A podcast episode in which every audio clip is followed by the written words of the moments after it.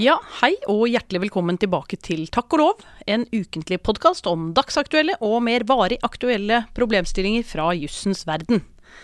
Jeg heter Anine Kierulf og skal med hjelp av dagens kunnskapsrike gjest lose oss gjennom dagens episode som handler om vår tredje statsmakt, domstolene. Det er jo fremdeles en krevende tid for mange. Eh, Vi er stadig preget eh, alle sammen av eh, denne pandemien. Eh, Den eh, berører oss i dagliglivet, noen dessverre langt mer alvorlig enn andre. Eh, Men det er ikke bare vi som personer som blir berørt av den, det gjør også institusjonene våre.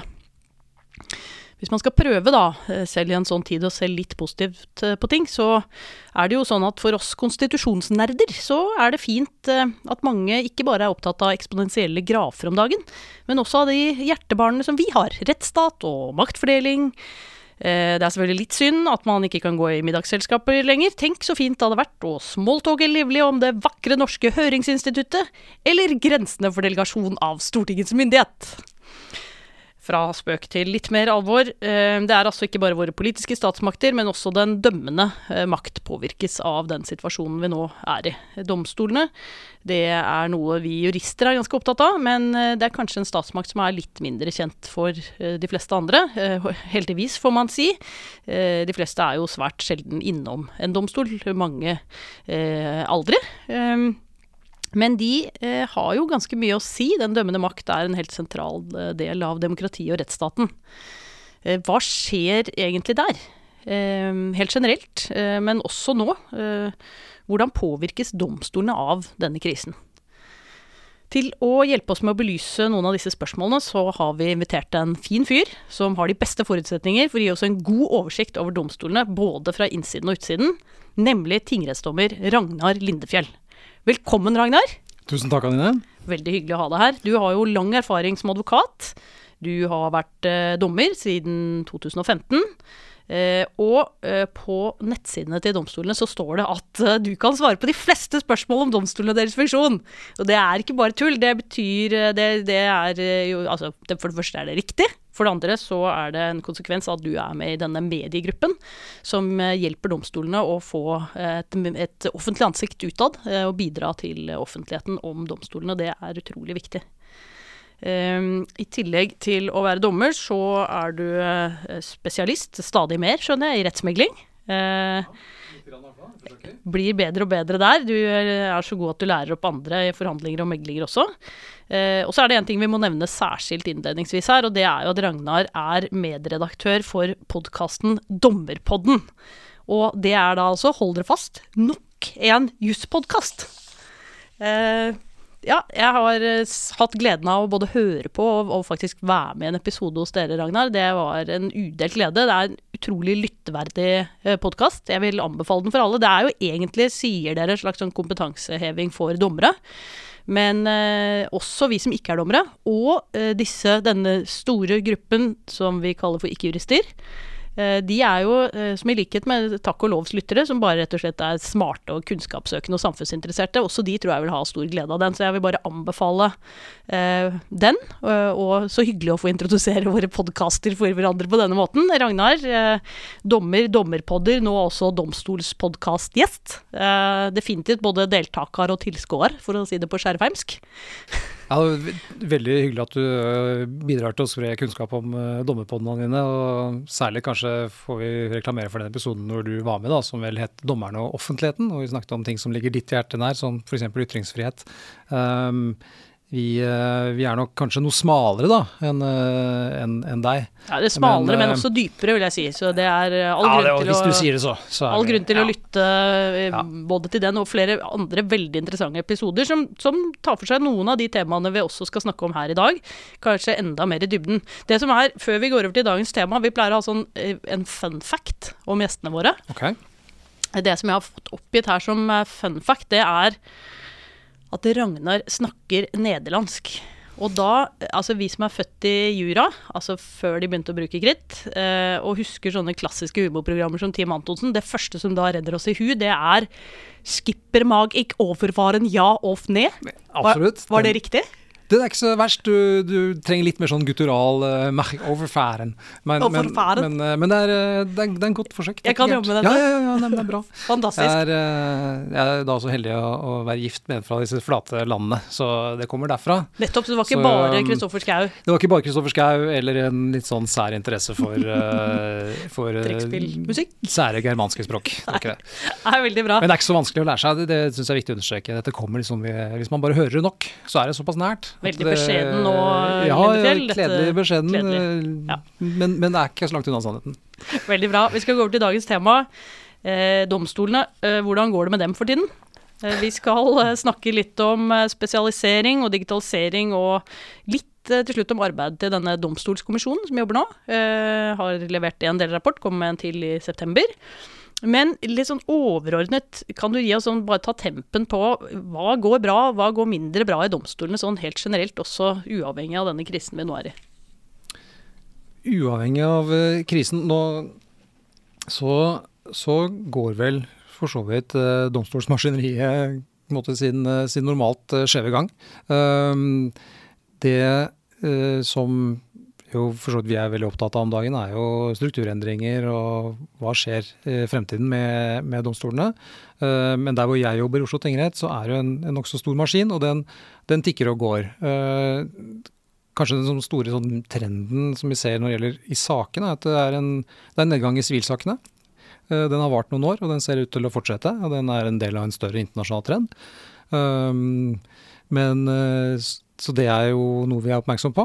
Eh, ellers så har vi, tror jeg, noenlunde god kontroll. Det skjer jo da, som sagt, det er mer hva skjer i fremtiden. Hva Ja. skjer innenfor spørsmål som spesialisering, eh, hvordan skal vi jobbe framover, nye arbeidsmetoder, digitalisering, den type ting. Det tror jeg vi kommer til å snakke litt om. Ja.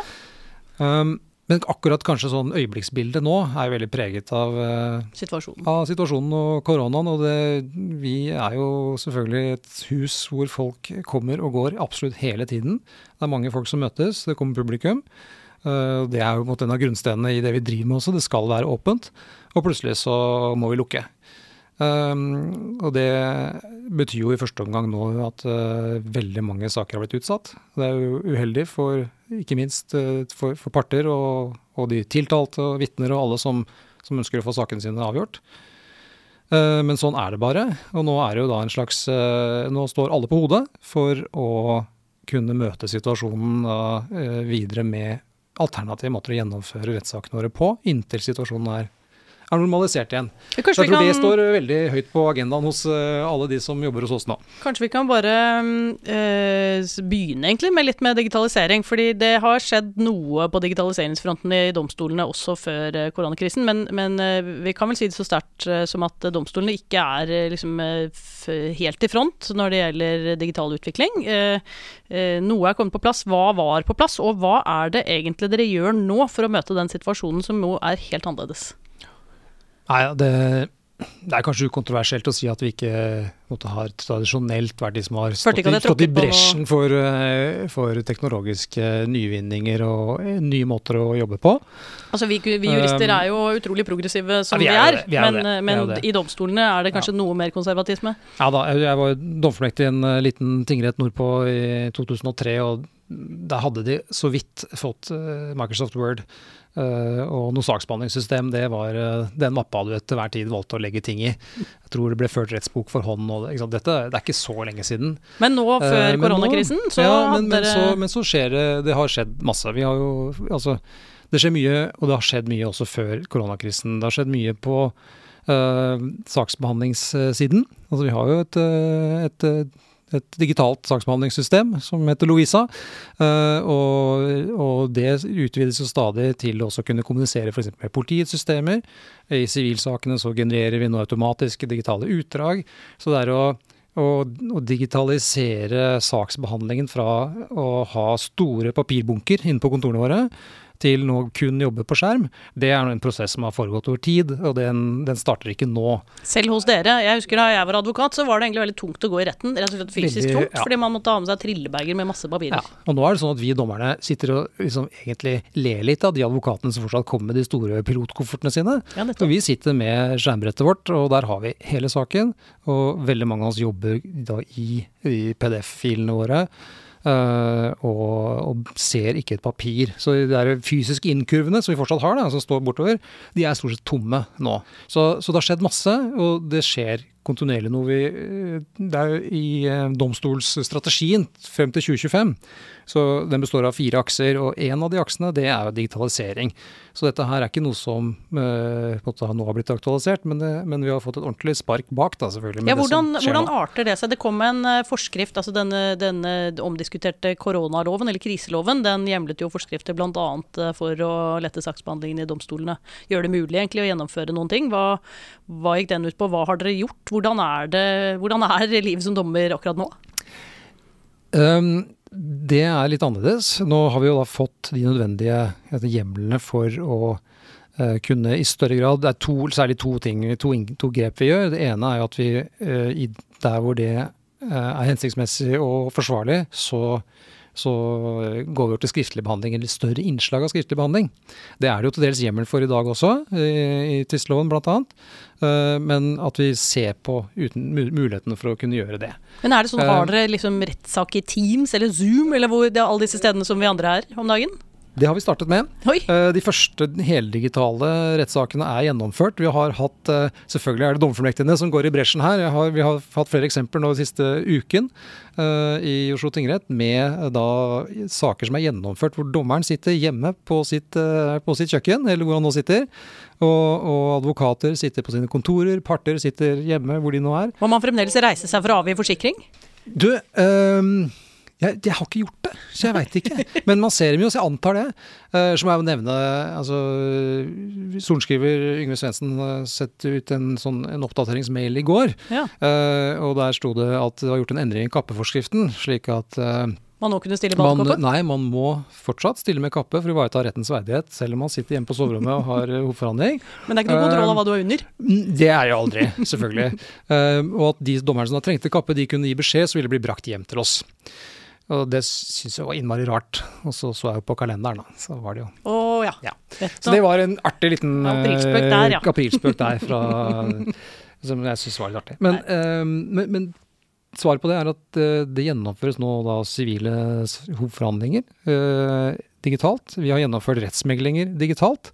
Uh, hvor da man har flere digitale rom, hvor man først møtes i ett møterom. Ja, og så går da, hvis man skal ha særmøter, så går da parten og advokaten ut av det felles digitale rommet og inn i et annet, og så går dommeren og veksler frem og tilbake mellom dem. Så, så, dette er jo øh, Men går det, det er jo ganske det, interessant. Det, går det utover rettssikkerheten? Er det, klarer man å gjøre, liksom ivareta En ting er verdighet, mm. som kanskje var litt mer spøkefullt, men ja. klarer man å ivareta rettssikkerheten i en sånn digital situasjon? Ja, det, det må jo være en forutsetning. Uh, og det må jo være opp til uh, de, de, profesjonelle aktørene da, særlig, å, ha det i bevisstheten. Særlig et dommeransvar. Og selvfølgelig eh, kan det også være litt nyanser i forhold til hva slags type sak er, vi, er det vi behandler. I straffesakene så, så har jo dommeren en, en eget, et eget ansvar for å sørge for at saken blir fullstendig opplyst. I barnesakene så har vi et, også et tilsvarende ansvar. Eh, så selvfølgelig i den grad vi føler at uh, behandlingsmåten fratar oss muligheten til å få et fullstendig og godt bilde, så må vi jo si fra, tenker jeg. Mm. Um, kan man tenke på dette som et slags eksperiment, på en måte? Altså man må gjøre noe i en situasjon fordi det er krise, og så kanskje man kan lære noe av det, hva funket og hva funket ikke, for en videre digitaliseringstenkning etterpå? Ja, klart den, den den måten vi gjennomfører rettssaker på i Norge med utstrakt bruk av muntlighet og lange forhandlinger, i hvert fall det sammenlignet med mange andre land, klart det er ressurskrevende. Uh, men de ressursene syns vi jo da er, uh, er riktig å bruke, å bruke uh, fordi resultatet, rettssikkerheten og resultatet i andre enden veier mye tyngre enn den ekstra ressursbruken. Uh, men rart, i en situasjon som nå, så lar ikke det seg gjøre. Så det, blir jo, da er det jo veldig spennende å se hva som kommer ut i andre enden. Om brukeren er fornøyd, om advokaten er fornøyd. Hva skjer med ankeprosenten? Mm. Ikke sant? Det er masse ting her. Så, vi, så ja, vi lever nå definitivt i, i, et, i et, eksperiment. Og det, det, og det eksperimentet lar seg jo det, det lar jo noen begrensninger på hvor mye vi kan gjøre, tenker jeg, digitalt. Du, eh, du, nevnte innledningsvis dette med spesialisering. Og der er det jo også en slags sånn ja, i noen grad et eksperiment som foregår inntil man vet mer om hvordan man skal løse disse utfordringene som er med at jussen er blitt mye mer spesialisert. Eh, advokaten er blitt mye mer spesialisert. Eh, både faktum og, men særlig juss er blitt veldig mye mer sammensatt og vanskelig, rett og slett. Behovet kanskje for større spesialisering i domstolene, enten innenfor den enkelte domstol, eller også sånn at man må ha særdomstoler eller andre løsninger. Eh, kunne du reflektert litt om eh, hva skal vi si, eh, fordeler og ulemper. Hva er argumentene her egentlig for generalistdommeren på den ene siden, og mer spesialiserte og kanskje effektive og eh, med høyere kapasitet eh, dommere på den andre siden?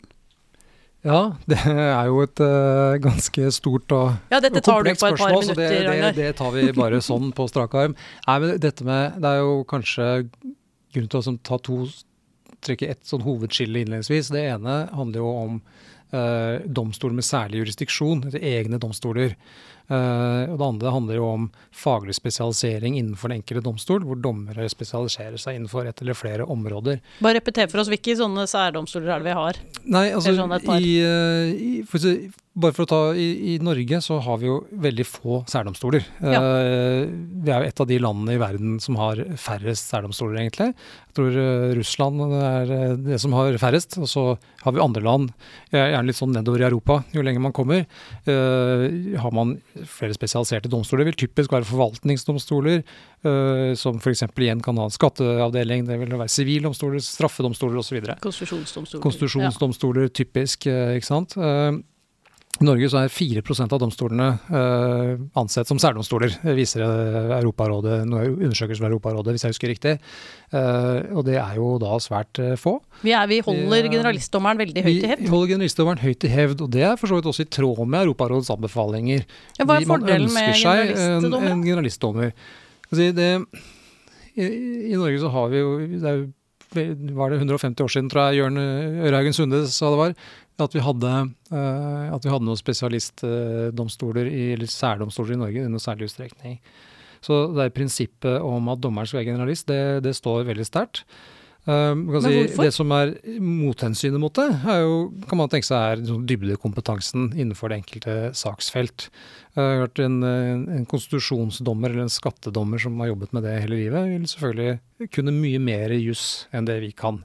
Men det skjønner jeg, men hva, hva er argumentet for en generalistdommer, da?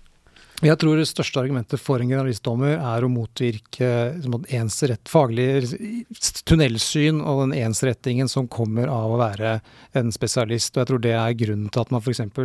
ikke har opprettet en la oss si en utlendingsdomstol, som de for så vidt har i, i Sverige. Eller at man kan tenke seg at man har en, en domstol som bare behandler straffesaker. Uh, det er mange grunner til men jeg tror kanskje den aller viktigste sånn, uh, er at man unngår den, den, eh, den, den litt bredden. Mm. Og så motvirker man det tunnelsynet som er veldig tror jeg, fort å opparbeide seg hvis man bare sitter og jobber på ett saksfelt. Man kan jo tenke at dommere kanskje er litt fjern fra resten av samfunnet som det er, så det er viktig at de egentlig kommer borti veldig mange ulike typer saksfelt, så de har en forståelse av hvordan ting henger sammen der ute? Ja, og, og at man ikke får en sånn type sånne subkulturer. Uh, man ser det litt som et sånn nemndsfenomen. er At nemnder de, de kan fort få en, eh, en, tendens til å være veldig sånn, opptatt av seg selv og sin egen praksis. Ja. Og frikoble seg litt fra, fra den generelle jussen, f.eks. Mm. Være mer opptatt av å føle sin egen praksis. Og Der har vi hatt en eh, økning der, i Norge på, i nem, antall nemnder, har vi ikke det? Altså, en ekstrem økning. Kjempefordel for domstolen selvfølgelig som blir avlastet, men kanskje ja. med dette tunnelsyn, frakoblingsargumentet, noen nedsider med det også? Ja, eh, det er jo være 50 nemnder eller noe sånt nå, som behandler eh, fryktelig mange tusen saker i året. Veldig mange flere saker enn domstolene gjør.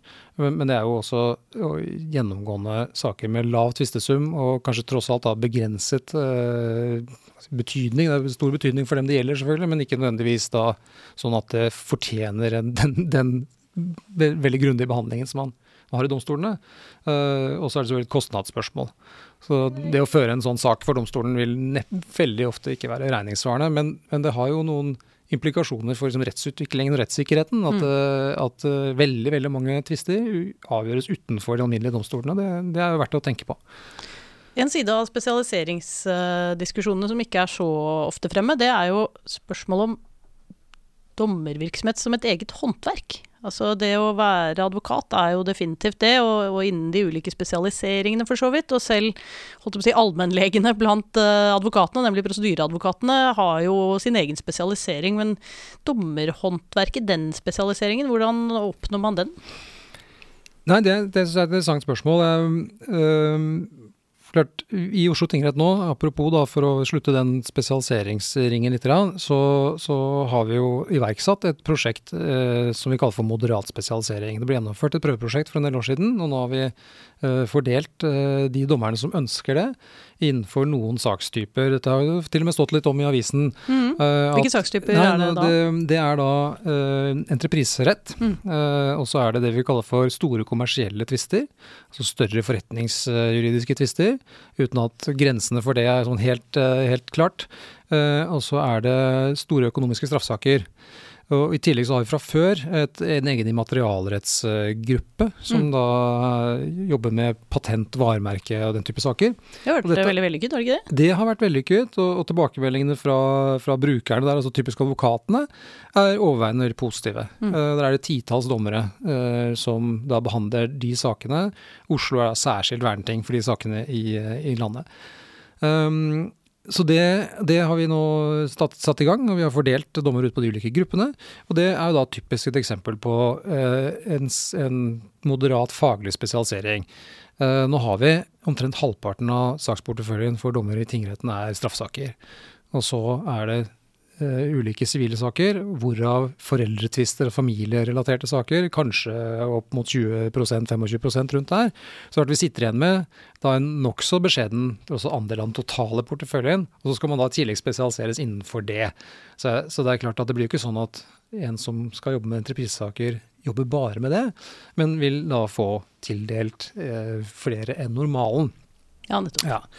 Uh, så til de spørsmål om, om, om de, den andre siden av dette her, nemlig dommerhåndverket. Hvordan spiller det inn? For det vi, det vi har fokus på, det er jo ulike fagområder. Um, mens det som vi kanskje, tenker jeg, da, kunne kanskje vært enda mer opptatt av, det er jo også hvordan kombinere dette her med selve liksom, dommerhåndverket.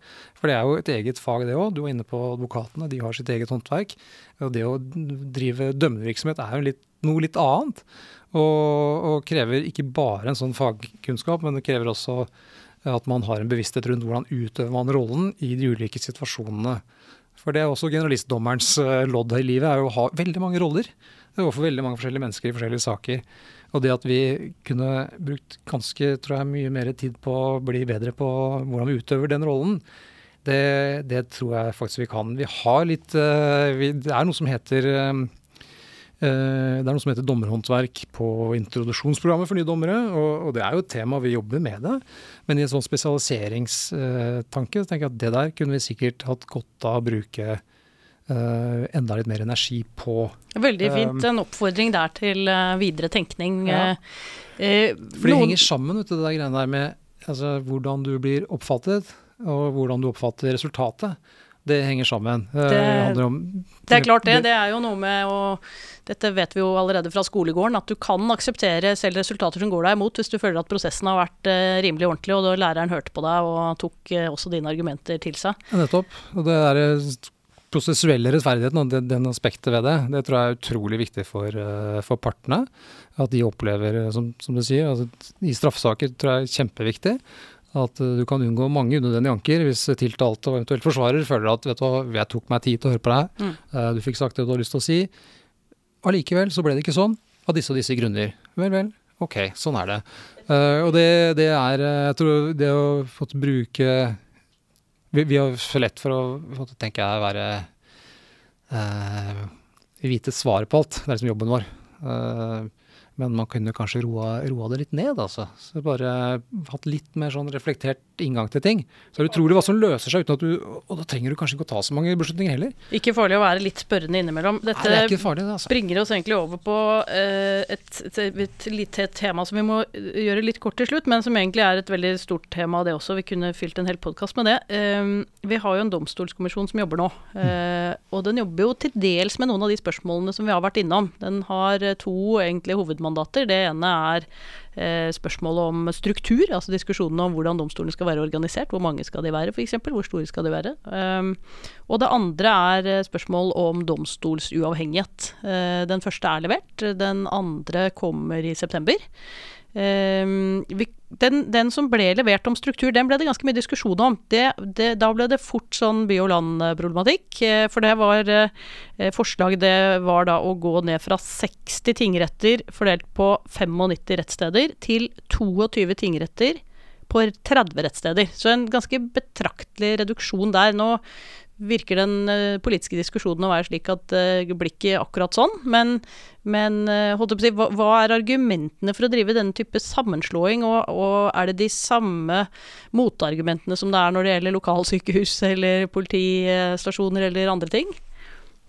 Ja, nei, nei, det er riktig. Det, det, ble jo foreslått ganske betraktelige eh, reduksjoner i antall tingretter rundt omkring. Og så hva det som blir det endelige resultatet, det, det, vet vi jo ikke. Men dette handler vel grunnleggende sett tenker jeg, kanskje om to ting. Det handler jo om kvalitet, og det handler om effektivitet. Altså få mest mulig, flest, best mulig dommer for, eh, for minst mulig ressurser. Så større og, fagmiljøer gir bedre dommer? Det er jo eh, kontroversielt. Uh, der er det delte meninger. Uh, det ble vel gjennomført en undersøkelse av kommisjonen som kunne indikere noe i den retning. Ja. Uh, men, men, men, det er kanskje litt sånn på makronivå. Jeg tror ikke noen av oss skal sitte og si at uh, dommene som produseres i små domstoler er dårligere eller har en annen kvalitet enn en i andre. Men det som jo tror jeg er ukontroversielt, det er at man er jo mye mer sårbar for svingninger i tilbud og etterspørsel på, i, i små domstoler. At det kan bli uutnyttede ressurser. Og det er kanskje det som noen av de forslagene som kommer nå, da prøver å ivareta ved at man, flytter, man, litt man flytter litt rundt. ja. sant? Man kan si at ja, vi beholder, uh, vi beholder rettslokalet i, uh, i, uh, på Nesna. Nå er det ikke noe rettslokale på Nesna, men, men i Mosjøen f.eks. Ja. Mitt gamle distrikt. og men, men, at man administrativt uh, slår sammen enhetene, slik at det ikke nødvendigvis trenger å være en sorskriver på hvert nes, men at det kan være litt mer sentralisert. Men at publikum kan jo ha det samme tilbudet der ute, og det vil jo, til, det vil jo antagelig medføre en del reising og den type ting for, uh, for de dommere og advokater det gjelder. Uh, men, men, men, det handler jo det, det, må jo ligge en hypotese i bånn om at man både får en, får en mer effektiv domstolstruktur og høyere kvalitet Uh, uten at jeg skal si at jeg har noe fasit på det heller, men jeg har jo vært uh, dommerfullmektig i en bitte liten domstol. og Altså, jeg har vært dommerfullmektig i Oslo tingrett, og nå er jeg dommer her i Oslo tingrett. Det er klart. Det var litt forskjell? Det er jo, det er jo bare så enkelt som at et større antall flinke folk samlet på ett sted, så er det alltid noe å spørre. Mm. Uh, og det kan jeg jo røpe at det gjør vi stadig. Uh, at vi bruker kollegene våre. Vi er jo til dels en ensom jobb, men at vi snakke med hverandre om faglige problemstillinger. Dette husker det, jeg faktisk fra min egen domfullmektigtid. Ja, at jeg, på et eller annet tidspunkt Jeg var på Hønefoss, som ikke var, ja, var Der var det jo et par domfullmektiger, da, men da måtte retten på et tidspunkt ta pause, gå ut og spørre en kollega og komme tilbake. retten må av og til det, ja. og det. Og det er jo på en måte bra. Altså, retten skal jo være såpass ydmyk at hvis retten ikke vet hva retten skal gjøre, så ja, får retten da må retten gå og spørre noen andre. Ja, ja, spørre en venn eller gå og slå opp et sted eller noe sånt. Og det, det er å ha det der eh, faglige kolleger rundt seg Jeg kan vanskelig si at det er en ulempe, for å si det på den måten. Den delen som eh, Domstolskommisjonen jobber med nå, den kommer i september, som sagt. Ja. Eh, den skal ikke vi foregripe her, men den har som oppgave å uh, ja, egentlig prøve å passe på at Norge ikke blir Polen, da. Altså i, i den utviklingen som har skjedd i Polen veldig, veldig raskt. Ungarn også, for så vidt. Land vi inntil nylig kanskje til dels sammenlignet oss med. Hvor, hvor domstolens uavhengighet plutselig er blitt truet av politisk maktmisbruk. Eh, og fortsatt er det i veldig stor grad. Eh, den utviklingen vil vi gjerne eh, forsikre oss mot. Det kan man jo egentlig aldri gjøre, da, fordi regler er jo ikke verdt så mye mer enn de samfunnene de fungerer i til enhver tid. Men, men man kan iallfall gå gjennom og prøve å se på det. De skal se på de overordnede normene for domstolsuavhengighet. Der har de fått en utredning fra Norges institusjon for menneskerettigheter. De skal vurdere hvordan Norge ligger an i forhold til dem. De skal se på tiltak for effektivisering og saksavvikling, men også for styring av domstolene forhold mellom statsmaktene. Eh, og forholdet mellom domstolsadministrasjonen og domstolene, og mellom domstolsledere. Eh, eller domstolene og domstolsledernes styringsrett, altså dommerne og domstolsleders styringsrett. Eh, er det noe av det de jobber med der som du tenker på som særlig viktig? Ja, det, Ja, alt. Ja, alt egentlig. Og det er vanskelig å rangere. Og, og mange av disse tingene henger jo nøye sammen. Eksempel så henger jo da debatten om struktur. ikke sant? Eh, Mm. Hvor mange skal det være, hvor mange dommere skal det være, henger sammen med, med spesialisering f.eks. Um, når det gjelder mer de sånn rettssikkerhetsmessige og rettsstatlige sånn overordnede tankene, så er vel eh, noe av poenget her også, som du sier, å skape et, et system som tåler mer stress enn en, eh, kanskje det norske gjør nå. Det har bl.a. vært diskutert uh, dommerutnevninger, Mm. eh, og fjerne det i enda større grad fra politiske prosesser. Uh, Dommerfullmektigordningen er jo Ja. en særnorsk og kjær ting som, eh, som veldig mange av oss har hatt glede av, og som i all hovedsak jo fungerer utrolig bra. Eh, og som jeg må si også er veldig glad for at vi har alle disse unge, flinke, kule folka som eh, holder oss litt i øra, og som tilfører litt nye tanker hos oss. Men ut fra et sånt mer rettsstatlig tankegang, så er det jo ikke sikkert at midlertidige stillinger uh, av folk som er rundt uh, Behandler saker hos, ikke fra, fra advokater de skal søke jobb hos etterpå. For eksempel. For eksempel. Eller, eller hvis du sitter her da med, med samværstvisten din og eh, en eller annen fyr på 27 som aldri har, som har hatt én kjæreste i livet, skal ta stilling til hvordan din familie skal ha det resten av livet. Klart, Ja. altså, det er en del Nei, sånne noe- ting. Men som, det, som, eh, men, men det er jo noe de skal vurdere. Um, det er kanskje rimelig å si at det norske systemet er preget av ja, det er jo preget av høy tillit, men også av eh, lite formalitet. Sånn at eh, det er masse formaliteter vi egentlig ikke har på plass, Ja. fordi systemene våre tradisjonelt og historisk har fungert så bra. Det er helt riktig. Jeg tror, altså, tilliten er på en måte bensinen i den, i den motoren, samfunnsmotoren på mange måter, og, og det viser seg veldig godt også innenfor domstolssystemet. Og Tilfeldighetsprinsippet for eksempel, er jo er også et godt eksempel på det. Det, det betyr i korte trekk at det skal være tilfeldig hvilken dommer som får hvilken sak. Og det er et, et prinsipp som holdes veldig hevd i, i samfunn med lavere grad av tillit til, til domstoler og institusjoner. For det skal ikke være mulig å påvirke uh, hvem som får saken. Um, og I Norge så praktiseres jo også et tilfeldighetsprinsipp, men uh, nok med visse innslag av, av skjønn. Uh, som kanskje der. ikke alltid er like gjennomsiktig. ikke sant? Nei. Og den der gjennomsiktigheten, det er vel noe, en del av de tingene som, av de bryterne som man kanskje må vri litt på for å, uh, for å skape et system som er mer robust for, for påkjenninger av den typen som vi dessverre da har sett i, f.eks. i Ungarn. Vi får Hvor, håpe at uh, Domstolskommisjonen i september kommer med en god, et godt forslag til kodifisering av noen av disse tillitssystemene som vi har bygget opp uh, på en måte som uh, Ja. gjør det mulig å videreføre dem, eh, også i formelle former.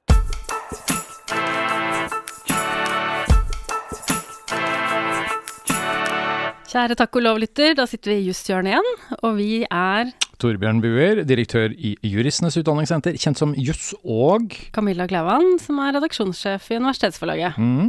Og vi to har jo veldig lyst til å gi alle eh, lytterne landets beste juss på øret, som også Anine pleier å si, og derfor så har vi laget denne podkasten sammen.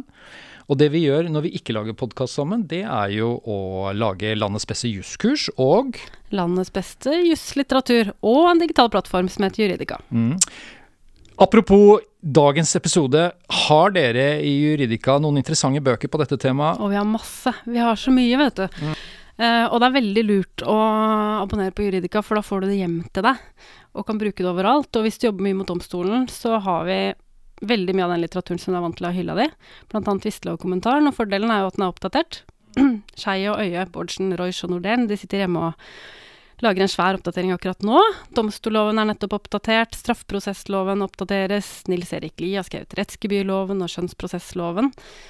Um, og hvis du jobber hjemmefra, så kan du veldig lett lage utdrag. Og kopiere med kilde, riktig kildeanvisning. Mm. Og så må jeg slå et lite slag for en bok som jeg syns er veldig kul. Som heter 'Ærederett et krasjkurs i sakførsel'. Som gjør at du slipper å gjøre alle de tabbene du gjør som ny, nyutdanna. Eller ny advokat, til og med ny dommer. Okay. Kan man f.eks. spise lunsj med kappa på? Ja, det vet jeg ikke svaret på. Nei, det finner du i æredrett. Ja, da kan jeg prøve å matche dette og si hva gjør vi i juss? Jo, vi kan jo nevne voldgiftsdommerutdanningen som pågår for tiden. Vi kan også tilby eh, lytterne et veldig nyttig e-kurs om Aktørportalen og digitalisering av rettssaksarbeidet. Eh, Og Aktørportalen ble obligatorisk for advokater i 2018, og kurset er praktisk rettet eh, for å bistå advokater med å manøvrere i det her digitale verktøyet. Ellers kan jo ikke jeg som psykolog la være å nevne mitt hjertebarn på juss, og det er jo meklingsutdanningen.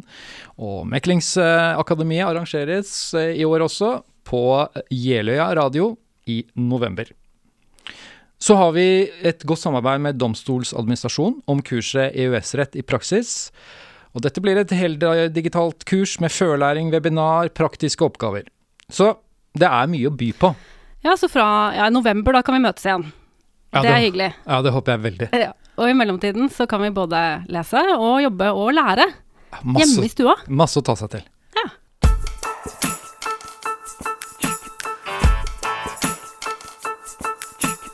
Vi må runde av eh, snart, eh, Ragnar. Eh, vært, altså, alle disse temaene kunne jo vært sin egen episode, egentlig. Men jeg er veldig glad for at du har gitt oss et veldig godt og innsiktsfullt overblikk over mange av dem. Eh, eh, De som er mer nysgjerrig, de får da oppsøke Dommerpodden og grave seg ned i spesialepisodene om en del av disse temaene. Eh, Her i eh, Takk og lov så har vi en vi Jeg er glad i disse to ordene etter hverandre, så vi har en egen spalte som heter Har du hørt? Og der inviterer vi gjesten vår til å dele en historie fra juslivet som Ja, den kan være morsom, eller den kan være tankevekkende, eller et eller annet. Eh, Har du hørt, eh, Ragnar? Hva, hva har du hørt? Oi. Ja, det der er jo veldig vanskelig, altså. Uh, hva skal man svare på sånt? Ja, fordi det er for mange historier? Det er så historier. mange historier, og så, så må man jo vurdere da, i hvilken grad de egner seg for, um, for formatet og offentligheten. Men um, vi har snakket litt om dette med, med rolle, og, og, og, mye av det handler jo om det er å være profesjonell. Og jeg har vært advokat ganske lenge, og, og merket veldig godt i 10-15 årene jeg var advokat, hvordan eh, den bransjen gikk fra å være ganske sånn preget av litt sånn happy-go-lucky eh, til å bli skikkelig strømlinjeforma, profesjonelle, kompetente, store organisasjoner. Um, så ble jo ikke jeg advokat sånn ordentlig da, til slutt. Jeg ble dommer, og kanskje en av de, de gangene jeg oppdaga at det var mulig at kanskje ikke jeg var helt den derre um, den advokattypen. Uh, det var veldig tidlig. Uh, en av de første tror jeg, møtene var i uh, ung advokatfullmektig nede hos et større advokatfirma på uh, Aker Brygge, eller Brygge, ja. Som det nå heter. um, det var et snakk om et misligholdt obligasjonslån, det var dårlig stemning, det var mye folk i rommet. Uh, og um, jeg som yngstemann tenkte at vel, vel, jeg får uh, være min rolle bevisst, og delte ut litt, litt kaffe før de sto på bordet. Hvorpå da um, en motpartens uh, advokat, en eldre uh, sølvrev fra, fra dette firmaet, han, han så på at jeg skjenket kaffe, så han på meg og sa Ja, du Lindefjell, du, du er jo flink til dette her. Du kan jo få jobb her nede, du kunstpause. I kantina. og da tenkte jeg at ja, kanskje ikke jeg har akkurat det som skal til for å overleve i denne verden her, så det er mulig at jeg skal bli dommer i stedet. Allerede da og, begynte ja. denne tanken å forplante seg i hodet ditt. Ja, og, da, og da selvfølgelig ta en grusom hevn Ja, eh, på alle, du- alle har du- advokater som noen gang har krenket Har du fått ham i eh, retten ja. senere? Ne- Nei, du, han eh, ja, Som sagt, eh, han var nok litt på hell av karrieren allerede da, sånn at vedkommende er nok ikke lenger i operasjon. Men, men hersketeknikker, det er gøy. Og Ja. det, eh, det er morsomt å ha blitt utsatt for dem. Eh, Jeg tenker at det der er jo morsomt å ha med seg videre, så jeg prøver å unngå dem selv da, i noen grad, men jeg vet ikke om jeg klarer det. Nei.